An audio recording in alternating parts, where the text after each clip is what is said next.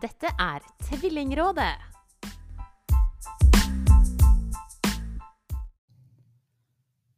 Hei, Karina.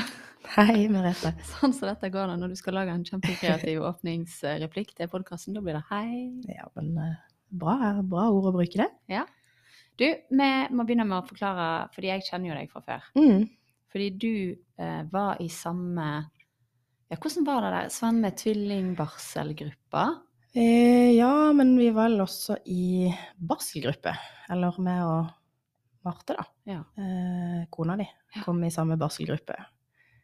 Eh, ja, på Sagene. Ja. Mm. Og så Det var vel bare Og det var egentlig ganske unikt at det var to tvillingmødre, fordi det var jo egentlig ingen andre der, tror jeg. Nei, eh, sånn som jeg skjønte det, så plasserte de oss jo litt sammen med vilje. Ja, fordi hun, eh, helsesøster hun var jo faktisk tvillingmor sjøl. Mm. Hun hadde òg to sett med tvillinger. Det var det hun hadde. Mm. Ja. Eh, og det er, det er grunnen til at jeg kom på å invitere deg til podkasten. Fordi vi kjenner hverandre fra før. Jeg kjenner litt til deg og historien din. Mm. Eh, og så har du sånn fantastisk fin dialekt som gjør seg på podkast. Ja, men det er jo eh, Det er jeg helt enig i. Ja. Så nå sitter vi her og har catcha litt opp, og så skal vi prøve å lage en episode fordi uh, dette er sesong tre av Tvillingrådet. Ja. Uh, og vi prøver jo, selv om Fordi det å snakke om tvillinger sånn generelt, det jeg syns det er veldig stas, men på et eller annet tidspunkt så, så eh, får man lyst til å grave litt i enkelte ting som er ja, kanskje litt spesielle, eller Mm. og så videre. Og det, eh, vi skal komme litt tilbake til hva som gjør deg spesiell. Eh, men eh, først så må jeg spørre det jeg alltid spør tvillingmødre på podkasten, og det er hva tenkte du når du fikk vite at du venta to? Oi, eh, vi fikk vite det veldig tidlig, eh, fordi at det begynte å blø litt, da. Mm. Så jeg tror det hadde mista allerede i uke seks. Ja. Så da raste vi av gårde på en privat ultralyd, fordi at eh, jeg ble ganske lei meg, da. Bare fordi jeg orka ikke å vente en uke på den der testen hos legen, da. Nei. Den blodprøven. Eh, så kom vi dit, og så brukte han jo selvfølgelig sykt lang tid Mm. mens han tok den ultralyden for, eh, for å være sikker på et eller annet, da. Eh, så da var jeg jo helt bombesikker på at nei, nå gikk det galt, men vi var ikke kommet så langt, så sånn er det. Mm. Eh, men så sa han nei, nei, men eh, nå må dere slappe av, men se her, se her. Eh, så viste han to prikker, da. Mm. som dunka. Eh, og da fikk jo jeg rett og slett latterkrampe. Fordi eh, i min familie er det veldig mye tvillinger. Ja. Eh, men mamma har jo ikke fått tvillinger, da. Men hun har sagt til meg helt fra jeg var 8-9-10 at du kommer til å få tvillinger. Det har hun sagt til alle i familien og til vennene sine og alt. Eh, og to dager før så sa jeg også til samboeren min Thomas at jeg tror det er to, fordi at jeg er så sinnssykt dårlig ja. allerede i uke seks, og det er jo litt rart. Virker, altså, eh, ja. Formen var virkelig skral og kvalm, og jeg var, ja. Så var det jo det, da. Så kikka jeg bort på Thomas, og han satt jo bare og gapte. Og så buser han ut. Det var jo akkurat det du sa i går! Mm. Så ja. Eh, hvorfor jeg begynte å blø, det kan jeg jo ikke svare på, men det var nå i hvert fall Det var foranledningen. Det var foranledninga, ja. Hva heter mora di? N. N. shout-out. Du spådde det i ganske mange år. Ja. Det er ganske bra gjort. Medras, de har en magefølelse. Ja, og det gjorde jo òg at familien fikk vite det litt før, for det, det var bare så sykt vittig at vi tok jo en ringrunde og tenkte at eh, ja, ja. Eh, det er ikke gått tolv uker, men eh, det var bare så morsomt at det var to. Mm. Ja. Artig. Men det var ikke Mm. noe sånn, da var du ikke på en måte litt forberedt, eller? Sånn ubevisst? Ja, litt ubevisst kanskje. Eh, for det er veldig mye tvillinger. Mm. Men, eh, men ja, jeg var forberedt. Men det er jo litt sånn der ja ja, mamma. Mm. Ja ja, sikkert det. Mm, ja, topp. Eh, for en kjente ingen sjøl som hadde tvillinger, så det var litt sånn abstrakt konsept, da, egentlig. Og så etter Mm. hvert så, så, gikk jo, så gikk jo dette bra, og dere kom over tolv uker, og dere Mhm. kom enda et stykke på vei. Og så uh, fant dere ut på et eller annet tidspunkt at det var to gutter, eller visste dere ikke det når de ble født? Uh, jo da, uh, det fikk vi vite. Vi fikk vite det litt seint. Fordi at det var, jeg hadde en del blødninger da underveis, så fikk jeg Hadde jeg mange ultralyder da, Mm. hele veien. Så begynte og ble tidlig 50 sykemeldt. Eh, fordi at vi hadde vel en ultralyd igjen i uke det var vel rundt uke tolv, da Mm.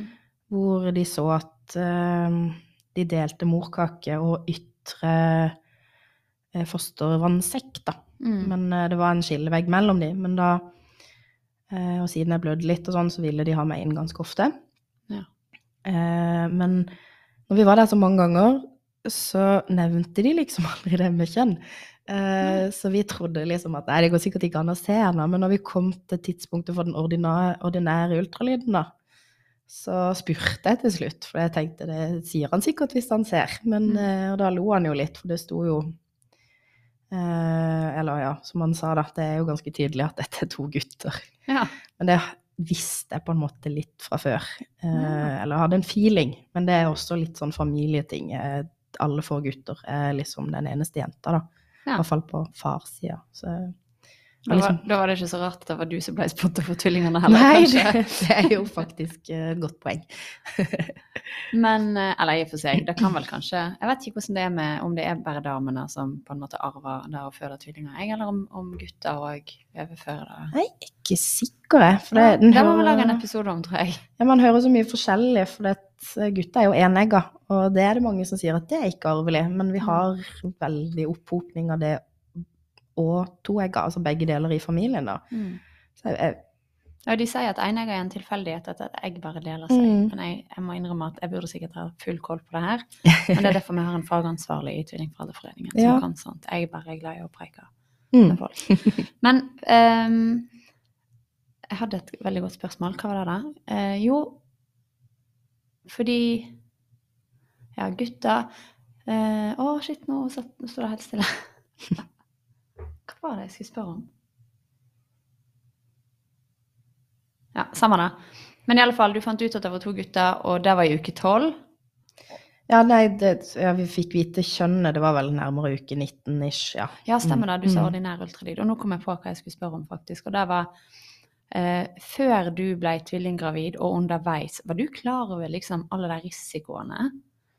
Og nå skal ikke jeg skremme noen der ute, men det er jo litt risikofylt å være gravid med tvillinger. Og så er det heldigvis veldig trygt i Norge, og det går ja, men nesten alltid bra. Jeg tror det går liksom bra veldig ofte når man først kommer over den aller, aller første kneiken. Men det er jo litt risiko knytta til det. Var du klar over det? Nei, det Nei. tror jeg ikke tenkte på engang. Eller sånn risiko for meg, eller for, ja.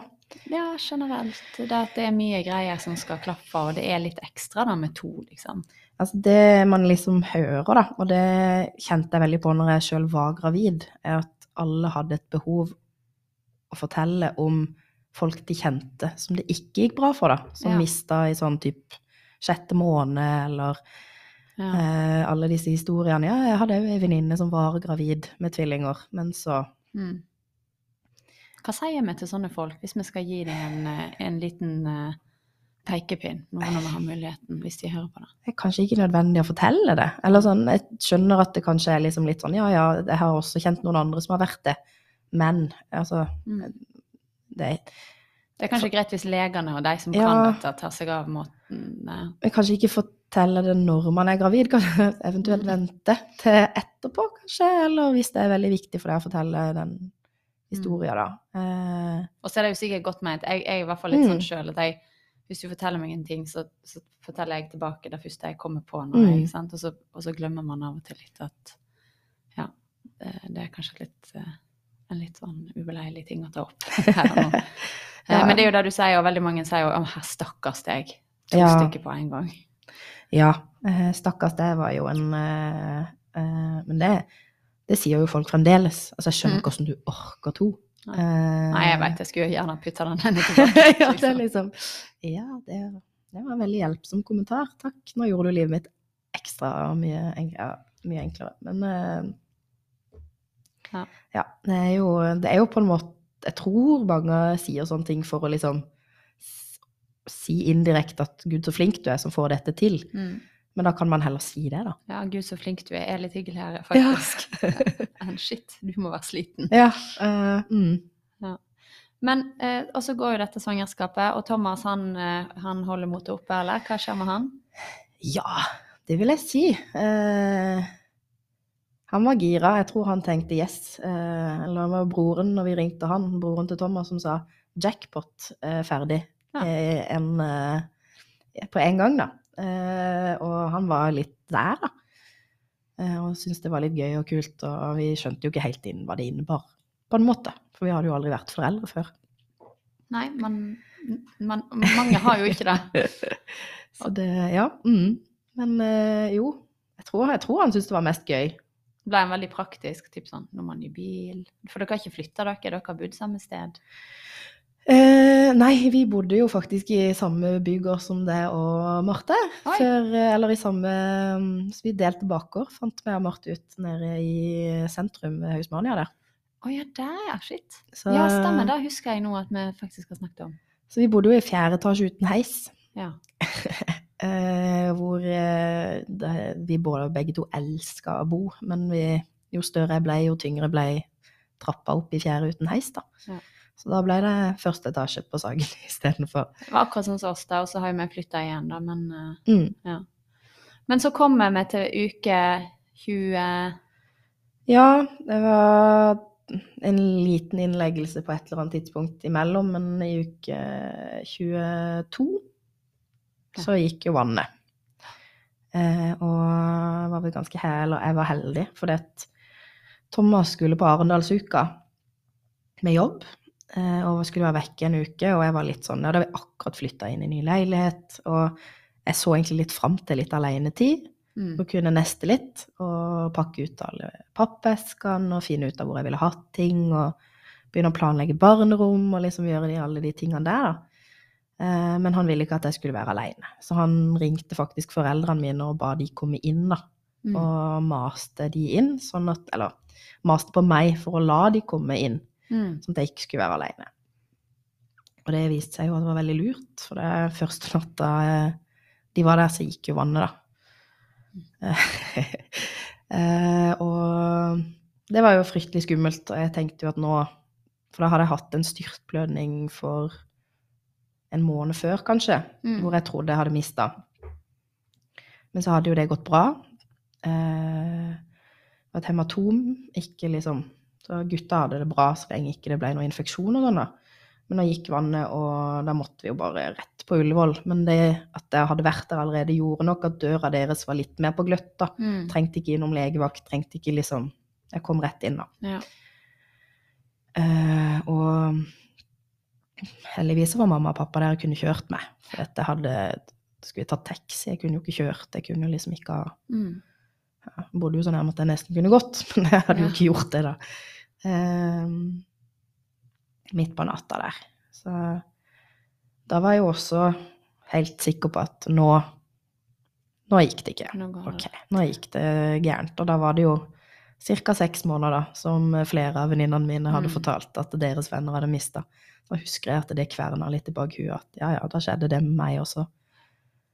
Eh, men eh, ble tatt imot, og så var det opp på Obs-post Gyn. Eh, ble tatt imot der igjen av utrolig, utrolig fine, hyggelige eh, jordmødre Mm. som jobber der. Det går virkelig ikke an å skryte nok av dem, for det, det er bra damer som Mhm. jobber der. Vi får håpe noen av de hører på. ja, ikke sant? Og de var veldig sånn Klarte å roe meg ned, og samtidig som de var litt Altså, de passa jo på at det var realistisk. At Mm. dette kunne være det ikke gikk bra, men vi skal ta så godt vare på det som mulig, og og prøve å slappe av, og det hjelper ikke at du er redd. Mm. Men uh, selv om vannet var godt, så var det masse liv, og de hadde nok vann, kunne de se, da. Ja. Så da var det jo egentlig bare det å eh, ligge i en seng, da, Ja. på Ullevål fra å håpe at For det jeg ikke visste på det tidspunktet, er jo at kroppen fortsetter å produsere vann. ja. Så det er lakk av fostervannsekken, men eh, Jeg vet ikke De, de lå ikke tørt, da. De, hadde, de kunne se at de hadde urin i blæra, at de drakk, og at de liksom hadde nok. Men jeg, ble, altså jeg hadde vel ultralyd nesten annenhver dag for å sjekke. Og jeg tror jeg fikk litt ekstra også, fordi at det å ha sånn monokoriale tvillinger, eller hva det heter, noe sånt det heter, jeg klarer aldri å si det riktig, men det er ikke så vanlig. Nei. Så det var en del studenter som fikk Ja. lov å komme og se på ultralyden, og jeg mistenker at jeg fikk litt ekstra, litt lengre ultralyder og litt Mm. For det, de skulle få lov til å komme og se, da. ja. Det er kanskje en vinn-vinn faktisk i en sånn situasjon. Jeg vet ikke. Ja, det tenker jeg òg. Så lenge man er komfortabel, Mm. så er det jo Ja, ja. Og det Jeg følte meg så utrolig trygg og ivaretatt der, da, av Mm. alle de som jobba der. Eh, så det, det var topp. Men det ble jo stillesittende. Og det å være på et sted hvor de aller fleste andre der prøvde å sette i gang en fødsel, ja. mens jeg følte jeg satt der og prøvde å knipe igjen. Mm. Det var ganske Det var noe av det tøffeste, faktisk. At jeg hørte de andre rundt med liksom grein fordi de hadde lyst til å føde, mens jeg lå der og grein fordi jeg ikke ville. ja. Eh, men Så det lå, lå med vinduene lukka fordi at jeg kunne jo høre i gangene og sånn, da. Mm. Eh, men eh, Hvor lenge lå du? Ja, det var uke 22 gikk vannet, og uke 26 så fikk jeg lov til å dra hjem på perm en natt. Ja. Og sove i min egen seng, i og med at jeg bodde så nærme. Og eh, som de sa, så er det jo den største faren i den situasjonen jeg var i, var infeksjon. Og det er jo større sannsynlighet for å få infeksjon på sykehuset enn hjemme, egentlig. Mm. Eh, så derfor, men jeg hadde et enerom da på sykehuset for å unngå dette, at jeg ikke måtte dele med noen. Men jeg gikk hjem, spiste middag, og da sov. Og neste morgen når jeg kom tilbake, så begynte det å blø igjen, da. Mm. Eh, på den natta. Eh, og jeg har jo, var jo Det er også fint å skryte mer av disse her damene. Thomas fikk jo lov til å sove der med meg nesten hver natt. Ja. Vanligvis er det jo bare den første, men eh, jordmødrene så så sinnssyk forskjell på blodtrykket og pulsen min når han var der, og når han ikke var Ja. der. Så da, så lenge de ikke trengte liksom å re opp senga hans og gi han mat, og altså, at ikke de hadde noe ansvar rundt han, så fikk han lov å, Mm. Å være der, å liksom. være der. Så da Og dette var jo før pandemi òg, må jo vi påpeke. Det var også før pandemi. Eh, Det hadde jo ikke gått nå. Mm. Men da eh, Da kom etter hvert Jeg måtte mase. Men var den eneste sure jordmora som jobba der, sikkert som hadde nattvakt den natta. Fordi legen lå og sov, men til slutt så fikk jeg mas til at hun skulle komme ned, da. Ja. Da hadde jeg fått en infeksjon, og barna måtte ut så fort som mulig, sa de der. Så da, da var vi i uke 26 pluss fire dager, da.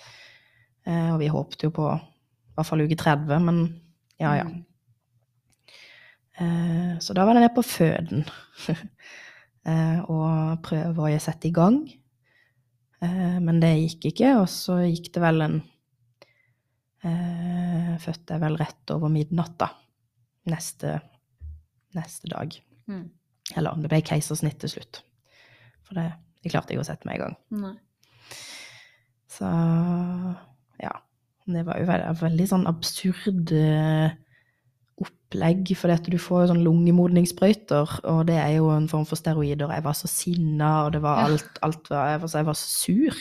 Jeg, ble skikkelig, jeg vet ikke om jeg sånn Både situasjonen samtidig som jeg bare syntes at de var så irriterende, alle de som skulle ta på og poke meg hele tida, og det var eh, det, kan jo, det kan jo være at det var en litt sånn overlevelsesstrategi, da, Ja. For å forholde meg til hva som faktisk skjedde. Så Og så hadde du lagt i fire uker da, pluss sant. og, og liksom Tatt blodprøver hver dag, Ja. og ja. Jeg skjønner at var nok ganske ferdig.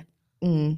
Det, jeg tenker vi, setter vi på den kontoen der, der det blir føyd under teppet etter hvert. ja, for jeg, jeg tror jeg var en ganske hyggelig pasient fram til da. Ja. Easy going og fornøyd med mm. Men, uh, men ja. Nei, det, det var en heftig natt. Og et eller annet med òg, når du liksom har all den oppbygginga, så det jeg liksom husker best, nesten, er å komme inn på operasjonssalen, da. og Mm. der var det jo så sinnssykt mye folk. Ja. Eh, Det var en jordmor til hver av gutta, det var anestesileger, det var anestesisykepleiere i flertall, og det var to kirurger, og det var liksom leger, og det var altså Studenter og Ja, og alle hadde på seg maske når jeg kom inn. Det, nå hadde jeg sikkert ikke reagert på det, men Nei. jeg følte jo de sto der med skalpellen i hånda og klare, liksom, Mm. før de fikk sagt hei. Da var det en veldig fin anestesilege som faktisk sa nå må vi roe ned tempoet og faktisk hilse og si hvem vi er, sånn at Mm. vi, for han så nok, eh, så nok at jeg var ganske redd, da. Ja. Eh, men eh, selve eh, Så husker jeg ikke så veldig mye mer. eh, annet enn at det var skummelt. Og så at Thomas på et tidspunkt forsvant, for han fikk jo være med inn.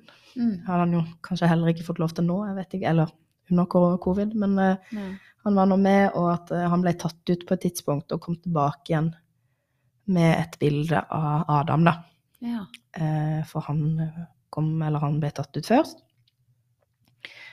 Eh, og hadde med respirator. Mm. Og det var både men med øynene åpne, og han hadde visst til og med grått litt, da, fikk vi beskjed om, som var liksom et veldig godt tegn. ja. Eh, men det kom jo ikke en lyd, og jeg så jo ingenting når de ble tatt ut. For de ble lagt i en sånn pose, tror jeg, og sånn for å holde varmen, og så løper de av gårde med dem med en gang. Mm. Men det roa meg i hvert fall litt, da. Og så, etter det var ferdig, var det jo postopp og ligge i ro til du kan bevege på store tåa og sove og liksom de tingene der, da. Mm. Men jeg fikk jo etter hvert så trilla de meg ned for å se. Men, og det er jo noe av det tyngste, for det husker jeg nesten ikke Nei. første gang jeg så de. Eller jeg husker bare at jeg tenkte at dette Det føltes så fjernt, da. Jeg ville egentlig bare sove, og det er egentlig eh, Det er litt sånn vondt å tenke tilbake på, da. At man Mm. fikk ikke den der eh, Det er mitt barn-feelinga, for du kommer bare til en sånn glassboks. Mm. Og så ligger det en by greie inne der med masse ledninger og bandasjer og ting, da. Så det er jo noe jeg føler jeg mista. Mm. Den der, eh, det der øyeblikket, da, når ja, du ser barnet ditt for første gang. Mm. Og så kom eh, Nå går lyset det, det skjer i dette studioet her. Lyset De sparer på strømmen. Ja, ikke sant? Jeg skal vinke litt. Men, men eh, Og da har du liksom Da er de ute, og, de, og begge lever. Mm. Eh, men de får pustehjelp. Ja, det var Adam hadde vel respirator de seks første timene. Mm. Men Samuel trengte kun det som heter CPAP, da, som er en sånn maske over nesa. Mm. Eh, og inn i nesa. Og det gikk jo Adam over også på etterpå. Etter de seks timene. Så det vi Sånn sett til at de er født såpass tidlig, så var jo det ganske bra, har jeg skjønt. Mm. Eh, og når vi kom ned neste dag òg, så var jo det en av tingene at det var Det at de var gutter og prematurfødt, gjør visst det også mer risiko enn med jenter. Mm. Jentene er litt mer fightere i akkurat der, da. Det fikk vi òg høre. Og vi har jo guttejenter. Og Mm. Lå jo med CPAP i seks eller sju dager. Ikke sant? Eh, nå kom han riktignok ut med beina først og feil vei og alt det der, eller, sant? Men, men da sa de òg det at jentene er ofte litt tøffere, faktisk. Mm.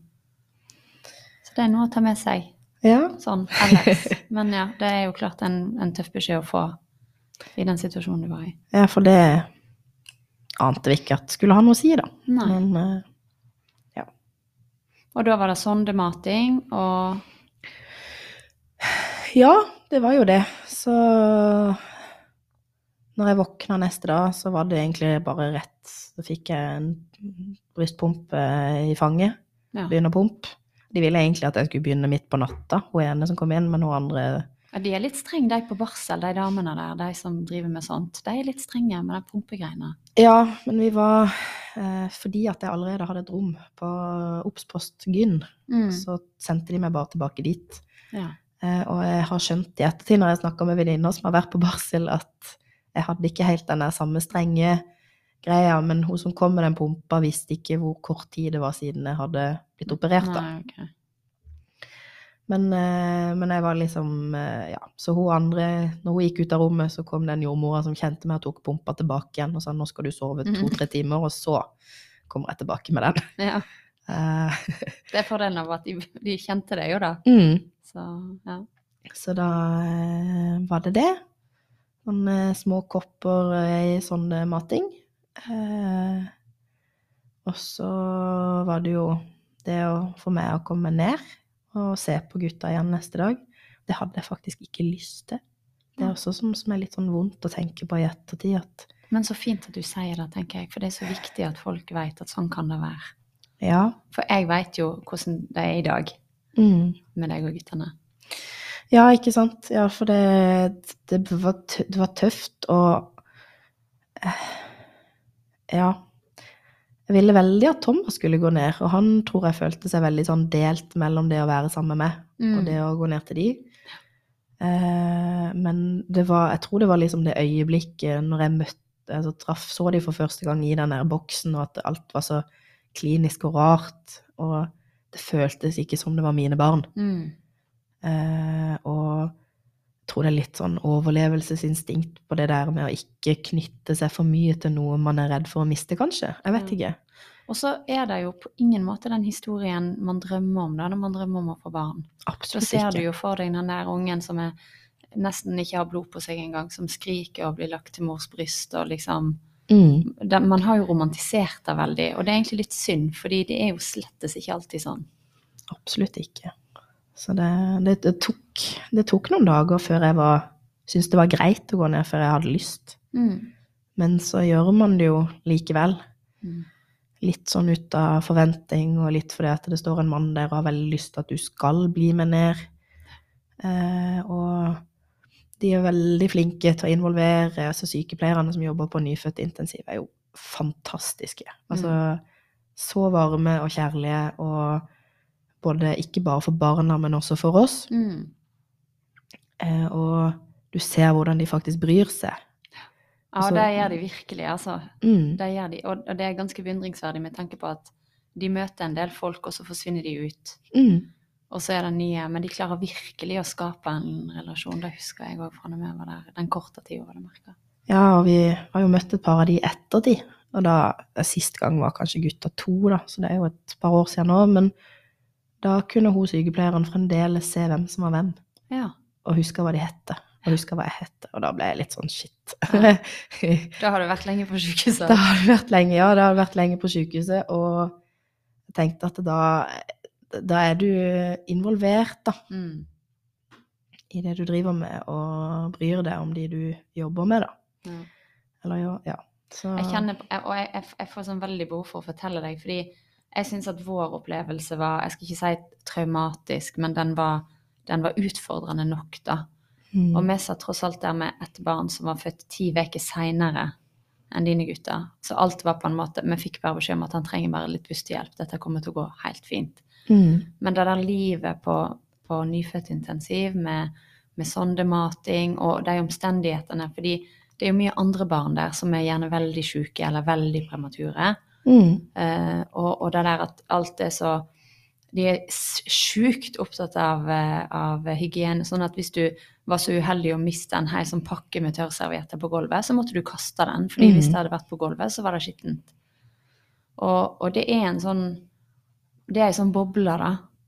Og jeg husker at der og da så gjorde vi det jo bare fordi det var det vi måtte. Men på et eller annet tidspunkt så gikk det jo opp for oss at det her var liksom ganske tøft. Og Marte, stakkar, som sprang mellom to barn, én på barsel og én her. sant? Mm. Så jeg skjønner kjempegodt at det der var en, eh, en tøff opplevelse. Og så er det så godt å høre at man blir godt ivaretatt tross alt, fordi det har så masse å si. Ja, ja, man blir jo det. Altså, men det er jo Det jeg skulle ønske de var bedre på da, og det håper jeg de er bedre på nå, er jo å informere om f.eks. at det er psykologer tilgjengelig for foreldre. Ja, Det fikk vi vite sist uka vi var der. riktig. Det fikk ikke vi vite nå. Nei, ikke sant? Eh, og at eh, så var det noen sånne faste møter en gang i uka hvor man kunne få liksom eh, Hvor de snakka om forskjellige ting, hvor alle foreldrene kunne samles som samtalegrupper og sånn, og det fikk vi heller ikke med oss før det hadde gått mye tid. Mm. Men nå skal det jo sies at Vi sitt, satt jo mye kenguru, Mm. som sikkert mange vet hva er, men det er jo å sitte med barnet på brystet, da. Mm. Hud mot hud i mange timer. Og da fikk vi Altså, da skulle de helst sitte minimum tre, ti, to til tre timer hver gang, da. Fordi at eh, den flyttinga frem og tilbake er ganske heftig for de små, da. Mm. Eh, og det fordi vi hadde to, og de skal jo eh, Det var jo noen som sa til oss at det var mange som gjorde sånn seriekobling, nesten, så de satt hele døgnet med barna sine. Ja. At eh, de bytta far og mor, da. På å sitte tre timer av, tre timer på, tre timer av, tre timer på. Mm. Men det kan man jo ikke gjøre når man er to. Eh, man trenger jo faktisk å spise og gå på do og sove. eh, så da ble det to økter hver dag hver, som vi Ja. satt sammen, for det det var, det var jo tøft, da. Og det å sitte Mm. sammen med Thomas og kunne holde han i hånda mens vi satt der, og i Mm. tillegg til å Og så var vi jo ikke aleine. Det var jo masse andre foreldre der. Det var mye Mm. piping, det var mye lyder, det kom sykepleiere og eh, løfta de opp og masserte de på ryggen hvis de merka at nå slutta de å puste. Eller som de sa, nå var han litt, eh, var han litt lat. Nå gadd han ikke å Mm. puste. Nå må vi hjelpe han litt i gang. Så litt Og de sånn. monitorerer jo, sant. De er fulle av ledninger, de har Mm. på De måler puls, de måler blodtrykk, de måler liksom Og gudene vet hva de ikke måler, egentlig. Mm. Og jeg husker de målte noe som de kalte for pipen. Ja. Og det var liksom den der uh, CPAP-en og hvor masse luft og hvor kraftig og hvor Ja.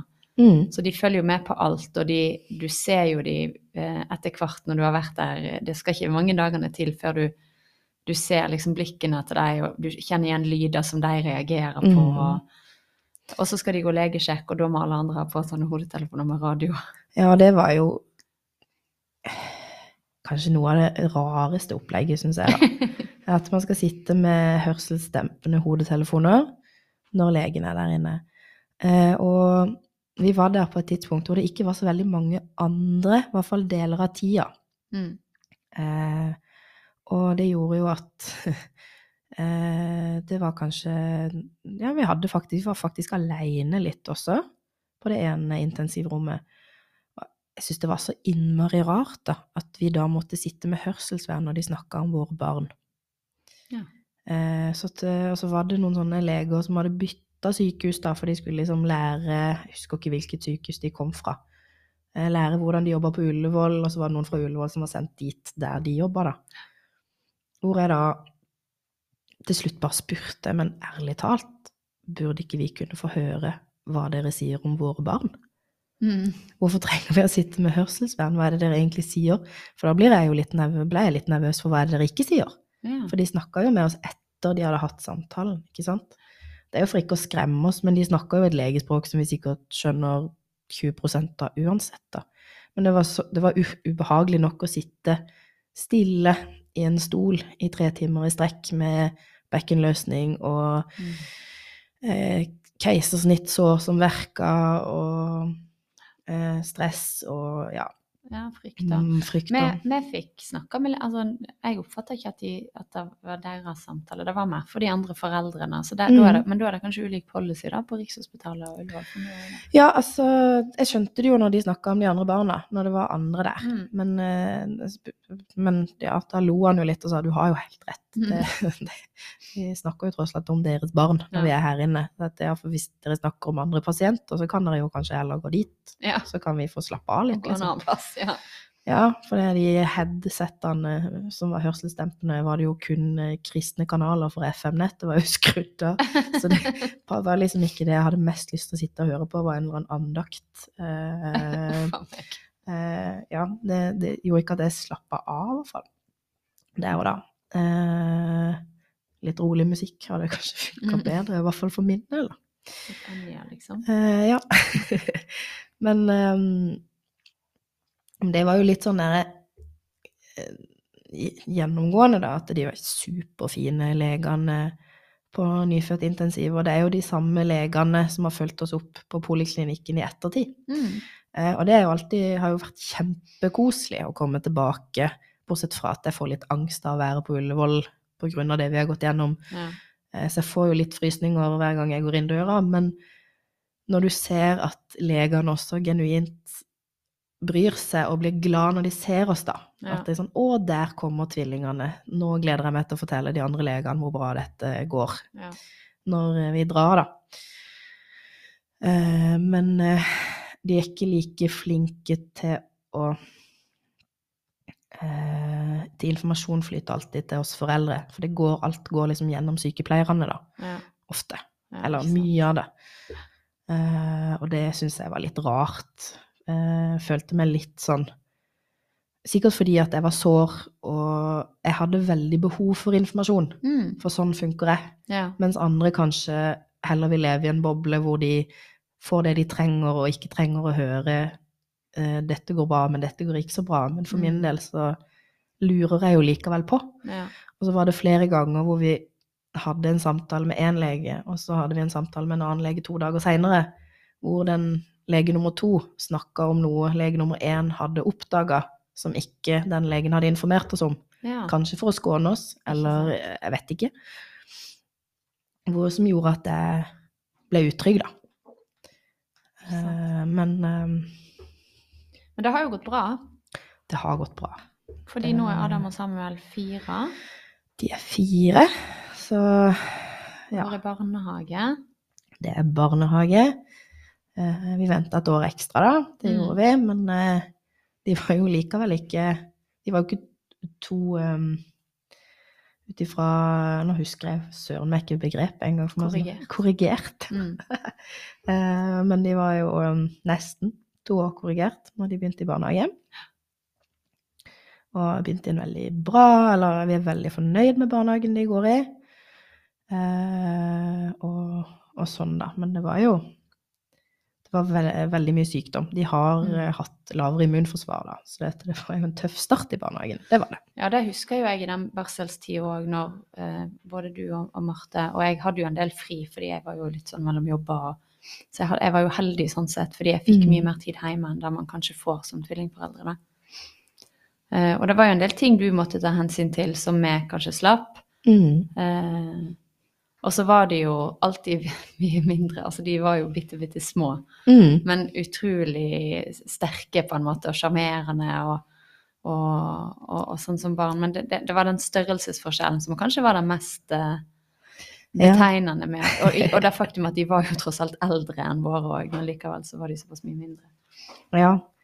Er de u, uh, ukorrigert Nei, korrigert alder.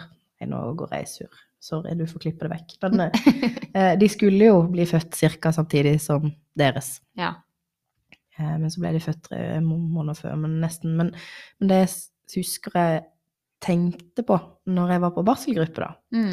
var at ja, de er mindre, men de var mye mer våkne i blikket. Altså at de, Ja. de var mye mer eh, eh, til stede enn de andre i starten, da. Mm. Eh, men de hadde jo også vært uh, ute og blitt vant til lys og blitt liksom vant Ja, til å være og gjøre de tingene før, da. Eh, Og så begynte vi etter hvert på åpen barnehage, og da begynte de jo Mm. liksom å utforske og mm, leke og krype litt og krabbe litt og Ja, de få sine elska jo åpen barnehage. mm. uh, så det, det var gøy, og det Vi var heldige òg, da. Vi hadde jo en åpen barnehage som hadde egne tvillingtreff, faktisk. Det hadde vi. Og det var jo gull verdt. Og da møtte man jo andre som visste hvordan det var med logistikk, og måtte planlegge helst kvelden før eh, og hva du skulle ha med deg neste dag. Jeg husker du sa en gang at jeg liksom føler at jeg kommer på det der singelbarseltreffet, og eh, når alle de andre på en måte eh, klarte å gå igjen, da har jeg bare så vidt fått av meg jakken, Ja. fordi det er den ene ungen og den andre ungen, og så er det ut og så er det inn. Og, så. og jeg husker det der i åpen barnehage òg, når du skulle ta de fra vogna og inn, sant. Mm. Og de var ikke trygge nok for de som jobba der enda til at du kunne overlate de til deg. Så da var det liksom nærmest å at han haler den ene ungen opp etter kragen og den andre, og liksom hipser de rundt. Og... Men der var det alltid sånn, det var alltid noen der som bare Å, wow, så bra. Der var det lite sånn og stakkars deg'. Det var Mm. mer sånn 'OK, nå kommer de med tvillingene, nå må vi flytte oss'. Så Ja. det var litt sånn Man følte litt at man fikk en slags sånn Ja, kudos, da. Ja, Slagsvis. ja, jeg er enig i det. Det var veldig, veldig fint. Og når jeg fremdeles bor på Sagene, så treffer jeg jo noen av de foreldrene ennå. Mm. Og hun som hadde tvillinggruppa, jeg jobber jo nå som eh, støttepedagog i barnehagen. Og Ja. hun kjenner jo, frem, kjente jo igjen gutta Ja. og visste hvem de var. eh, to år seinere, så det syns jo jeg var veldig koselig, da. Og hvordan har det vært å ha altså sånn, fordi det å ha premature barn hvordan, Nå vet jo ikke du noe annet, men du har jo sett Mm. litt hvordan, hvordan andre har gjort det. Men hva tenker du er den største forskjellen, sånn i starten i alle fall? Og egentlig nå òg. Um, I starten så var det jo dette med å være forsiktig for sykdom. Mm. Uh, vi var jo ikke vi, Altså, vi var i åpen barnehage kun fra mai til midten av september. Mm. De to første årene fordi vi var så redd for RS-virus, for eksempel. Ja. uh, for de var, de var ei uke for kort på CPAP til å få vaksine. Eh, sånt er det jo regler for. Eh, og mm, så var det mm, det kan, Jeg vet vi er ikke forbanna, men jeg kjente noen ganger litt på den der at eh, de var små, da, og de ble ofte tatt for å være mye yngre enn det de er, var, eller er fremdeles, egentlig. Ja. Eh, og det gjorde meg ikke så mye, men når, de da, når jeg da fortalte hvor gamle de var, og du så liksom reaksjonen, så sa jeg ja, men de er født, de er født veldig for tidlig. Så jeg sånn, ja ja, men det er jo alle tvillinger. Og så ble jeg litt sånn, nei, ja, tja, eh, men kanskje ikke så tidlig. Nei, for det er litt sånn, ja, 50% av tvillinger er født prematurt, Mm. men det, prematurt kan også være liksom uke 38 og 39. Ja, det er Per definisjon så er det jo, eller kanskje til og med 38 er det vel som er ja, 38 eller 37, jeg husker ikke helt, men uh, ja, For våre er jo klassifisert som premature, Mm. men de var født i 36 pluss 3. ikke sant? Så Eh, det er jo uh, alt som er født før uke 28, hvis ikke jeg husker feil, er ekstremt prematur. mm. Og da er det jo en helt annen type risiko, da, ja. for seinvirkninger og overlevelse, rett og slett. Mm. Ja, eh, følte ikke Jeg følte jeg fikk mindre forståelse, da, enn de som bare hadde én prematur født fordi de var tvillinger, for det må man jo bare forvente. ja. Eh, og det kunne være litt sånn sårt, for det ble litt sånn avfeid. Mm. Eh, Bagatellisert. Ja, liksom. fordi de var tvillinger.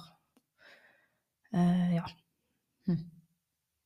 Men Det er mye man skal forholde seg til. ja. Og Men med tanke på det, har, det, har du vært mye redd? Hva er det man, er det man må, må være redd for eller bekymre seg for at kan skje når man har fått så premature barn? Hva, er alle vet, hva må man forholde seg til? når man er på sykehuset, så er det jo om de dør, rett Mm. og slett. Mm. det er Det er så brutalt, faktisk. CP, eh, altså hjerneblødning, at man kan få CP pga. hjerneblødning. Eh, det var mye Det var flere ultralyder av hodet, av fare for eh, svulst. Mm. eh, på hjernen.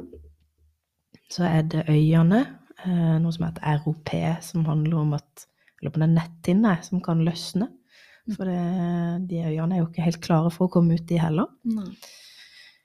Eh, ja, så er det jo liksom sånn generelle problemer med lunger og ting ikke er utvikla når de kommer ut. Og så fikk vi jo høre litt sånn typiske ting, at det er større sjanse, eller det kan være større sjanse for ADHD, til og med dysleksi, tror jeg ble nevnt. Altså sånne, sånne ting, da. Eh, men akkurat det Jeg jobber som lærer. Jeg ser jo at barn med ADHD og dysleksi klarer seg helt fint, de. Mm. Så lenge man, eller som regel, da, hvis Mm. man tilrettelegger og man, de får den hjelpa de trenger. Det var litt sånn bagateller i, for min del. Men det er jo Man er jo redd for at de skal dø, og man er, var redd for RS spesielt, da, når man kom ut. Jeg husker eh, Ine Jansen var jo her og snakka, og hun, hennes tvillinger er jo 18, men de var født enda tidligere. De var født i Mhm. uke 23, faktisk. Og hun sa det at det var så mange sånne porter du måtte gjennom. Men så på et tidspunkt så, så bare kjente hun at nå, nå går det bra. Nå, klar, nå har vi Mhm. klart det, liksom. Eh, I alle fall den der første, da. Og så eh, veit jo vi, alle som har fått barn, at du slutter jo aldri å bekymre deg igjen. Altså, Nei. du kommer jo aldri til å, til å slutte å bekymre deg. Men den der bekymringen for at den, den biten skulle gå igjen på et eller annet tidspunkt, så jeg husker hun sa at jeg gleder meg til at dette bare var en historie jeg skulle fortelle, og nå Mm. sitter jeg her og forteller den.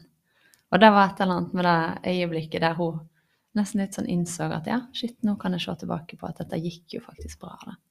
Ja. Jeg er ikke helt der ennå, eh, må jeg si. Eh, men Er det fortsatt mye bekymring for sykdom og det gnager litt. Eh, Mm. Men nå Jeg måtte jo til slutt eh, få litt hjelp av helsestasjonen. mm. Jeg gikk til sånn psykiatrisk sykepleier eh, fordi at jeg kjente at jeg hadde mye angst i kroppen. Ja. Og det var litt sånn eh, ikke, Jeg følte ikke det nødvendigvis var knytta til gutter, men jeg skjønte jo intellektuelt sett at det var det. Mm. Eh, men det var litt, bare litt sånn Gikk med høy puls ja. eh, lenge. Eh, og jeg kjente at jeg knytta meg Litt vondt å si, men litt mer til den ene av gutta enn til den andre. Jeg skjønte ikke helt hvorfor. Mm. Eh, og begynte å bli litt sånn «Ah, Gud, jeg håper ikke jeg får fødselsdepresjon nå. Det, det har jeg ikke kapasitet til. Så da var det helsesøster da som eh, fikk noen timer til meg hos uh, hun på helses, nei, psykiatrisk sykepleier på helsestasjonen. Mm. Og det å bare Altså det at uh, eksempel det med tilknytning til den ene Når vi begynte å snakke om det, da, så var det jo en av de som Jeg husker spesielt et øyeblikk hvor han ble helt blå. Han var tatt av alt pustestøtte, alt av monitorering, alt var tatt av. Jeg tenkte nå skal vi hjem. Og så står jeg og holder han skal skifte bleie, og så blir han helt knallblå. Ja. Og når du har vært der lenge, så blir du veldig god til å se når oksygenmetninga går ned i blodet. Du får et blikk for det, liksom. Eh, Mm. Så jeg begynte å hyle og ropte det inn, og så syns jeg de brukte så lang tid på å komme inn, for da var vi kommet til Vi var ute av intensiven, men det var som barnepleiere på de siste rommene, da. Mm. Beveger deg nedover ganger på Ullevål. Fra de mest alvorlige øverst, og så Mm. da var vi på siste rommet.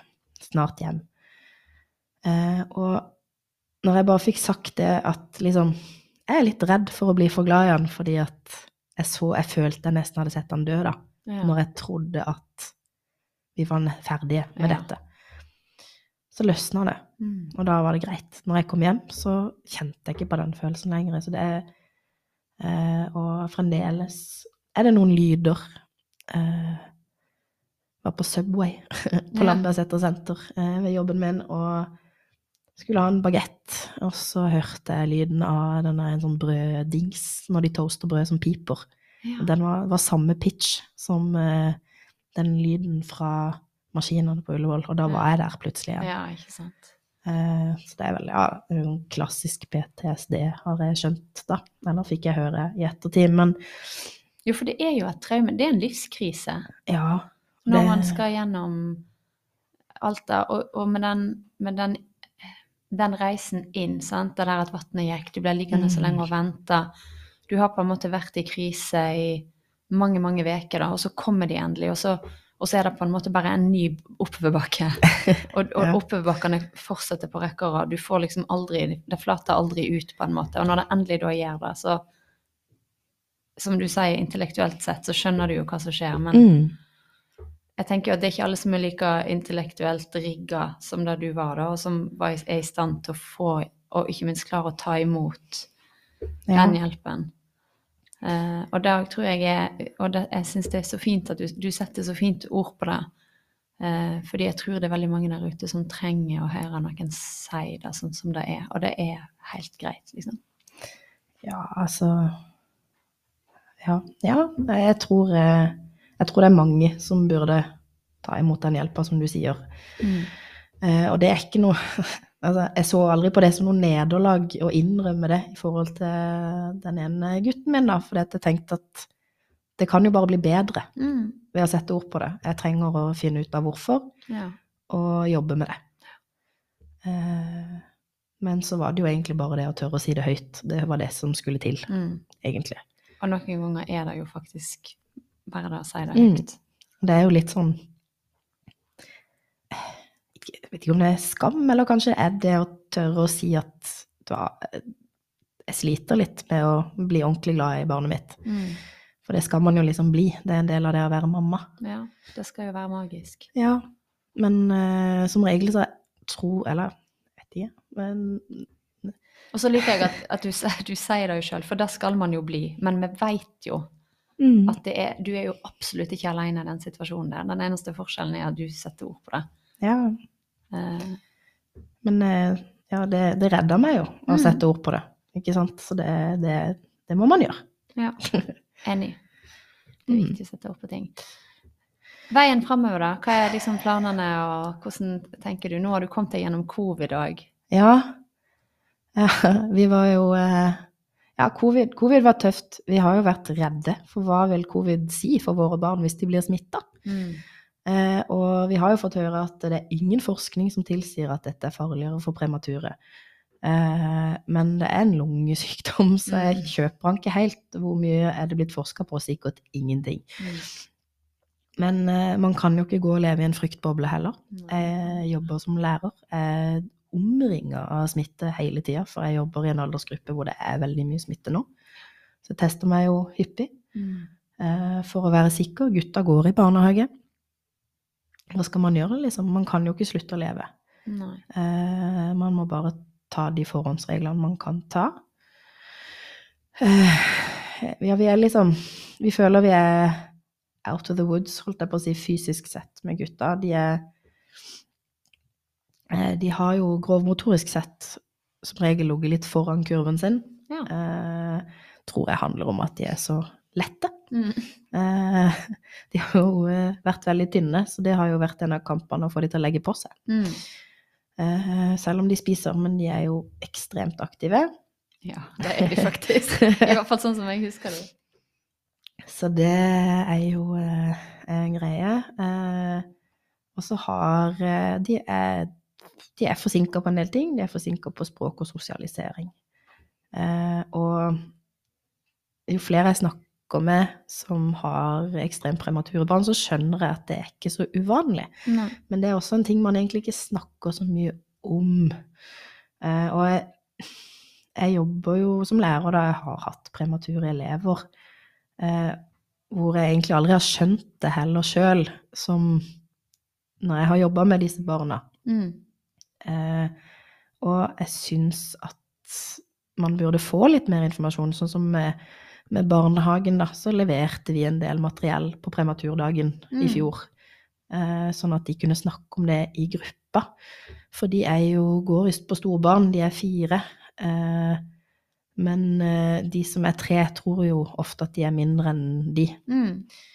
På, både på grunn av størrelse, men på, fordi at ikke de prater ordentlig ennå, og er litt for forsinket og ikke er så god på sosialisering og de tingene der, og får en del ekstra hjelp, da.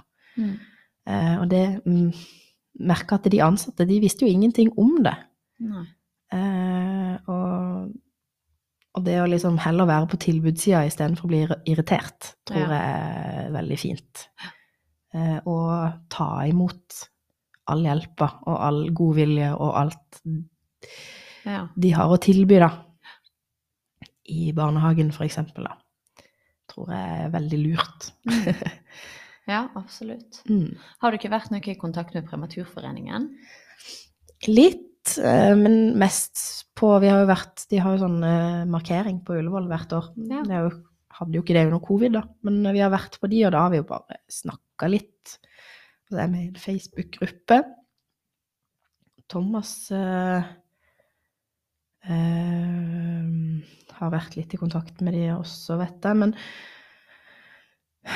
men jeg var litt sånn, jeg snak, snakka med de om det på den dagen, at liksom De er litt usynlige, egentlig, syns jeg. Mm. Eh, for jeg, da nevnte jeg bare en sånn filleting, sånn som Norsk Tipping, da. At man kan gi det der grasrotandelen sin. Ja. Jeg synger i kor, vi er der, men Prematurforeninga er der ikke. Nei, riktig. Ikke sant? Litt sånn at de godt kunne vært litt tydeligere, syns jeg, da.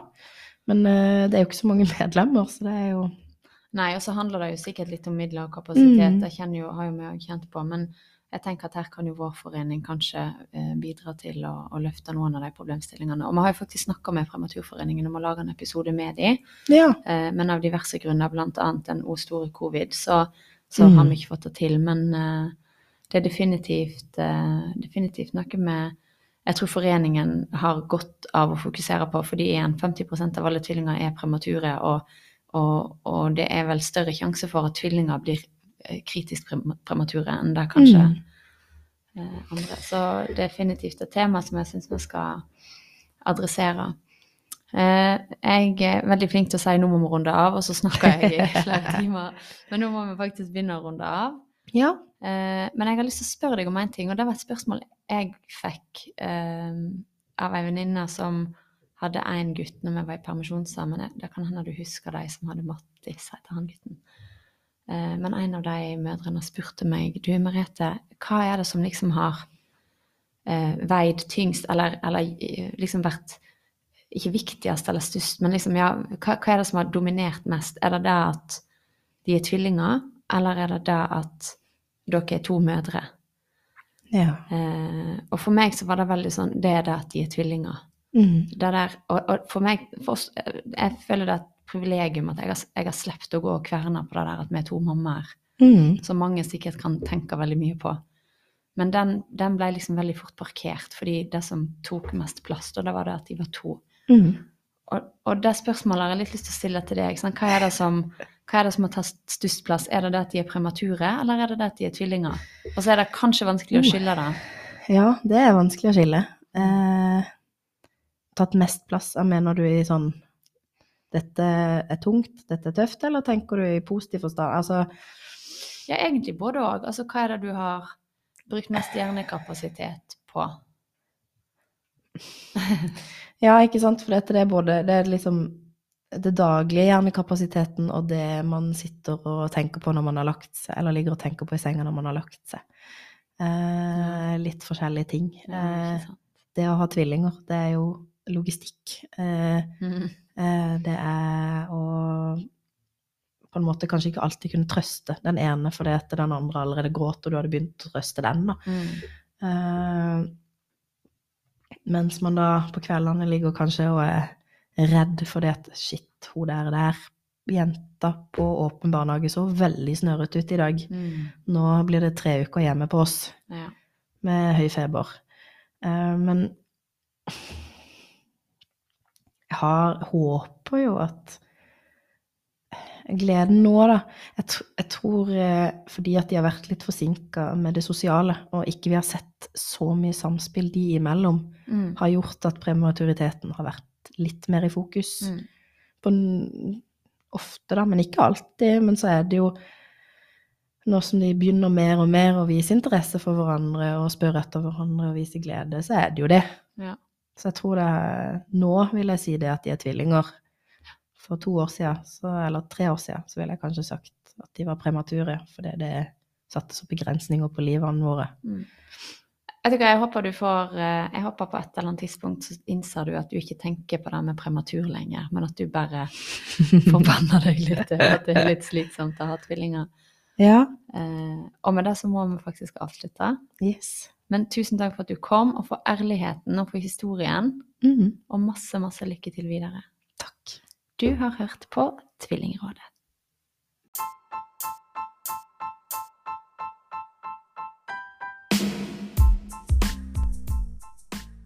Du hørte på Tvillingrådet.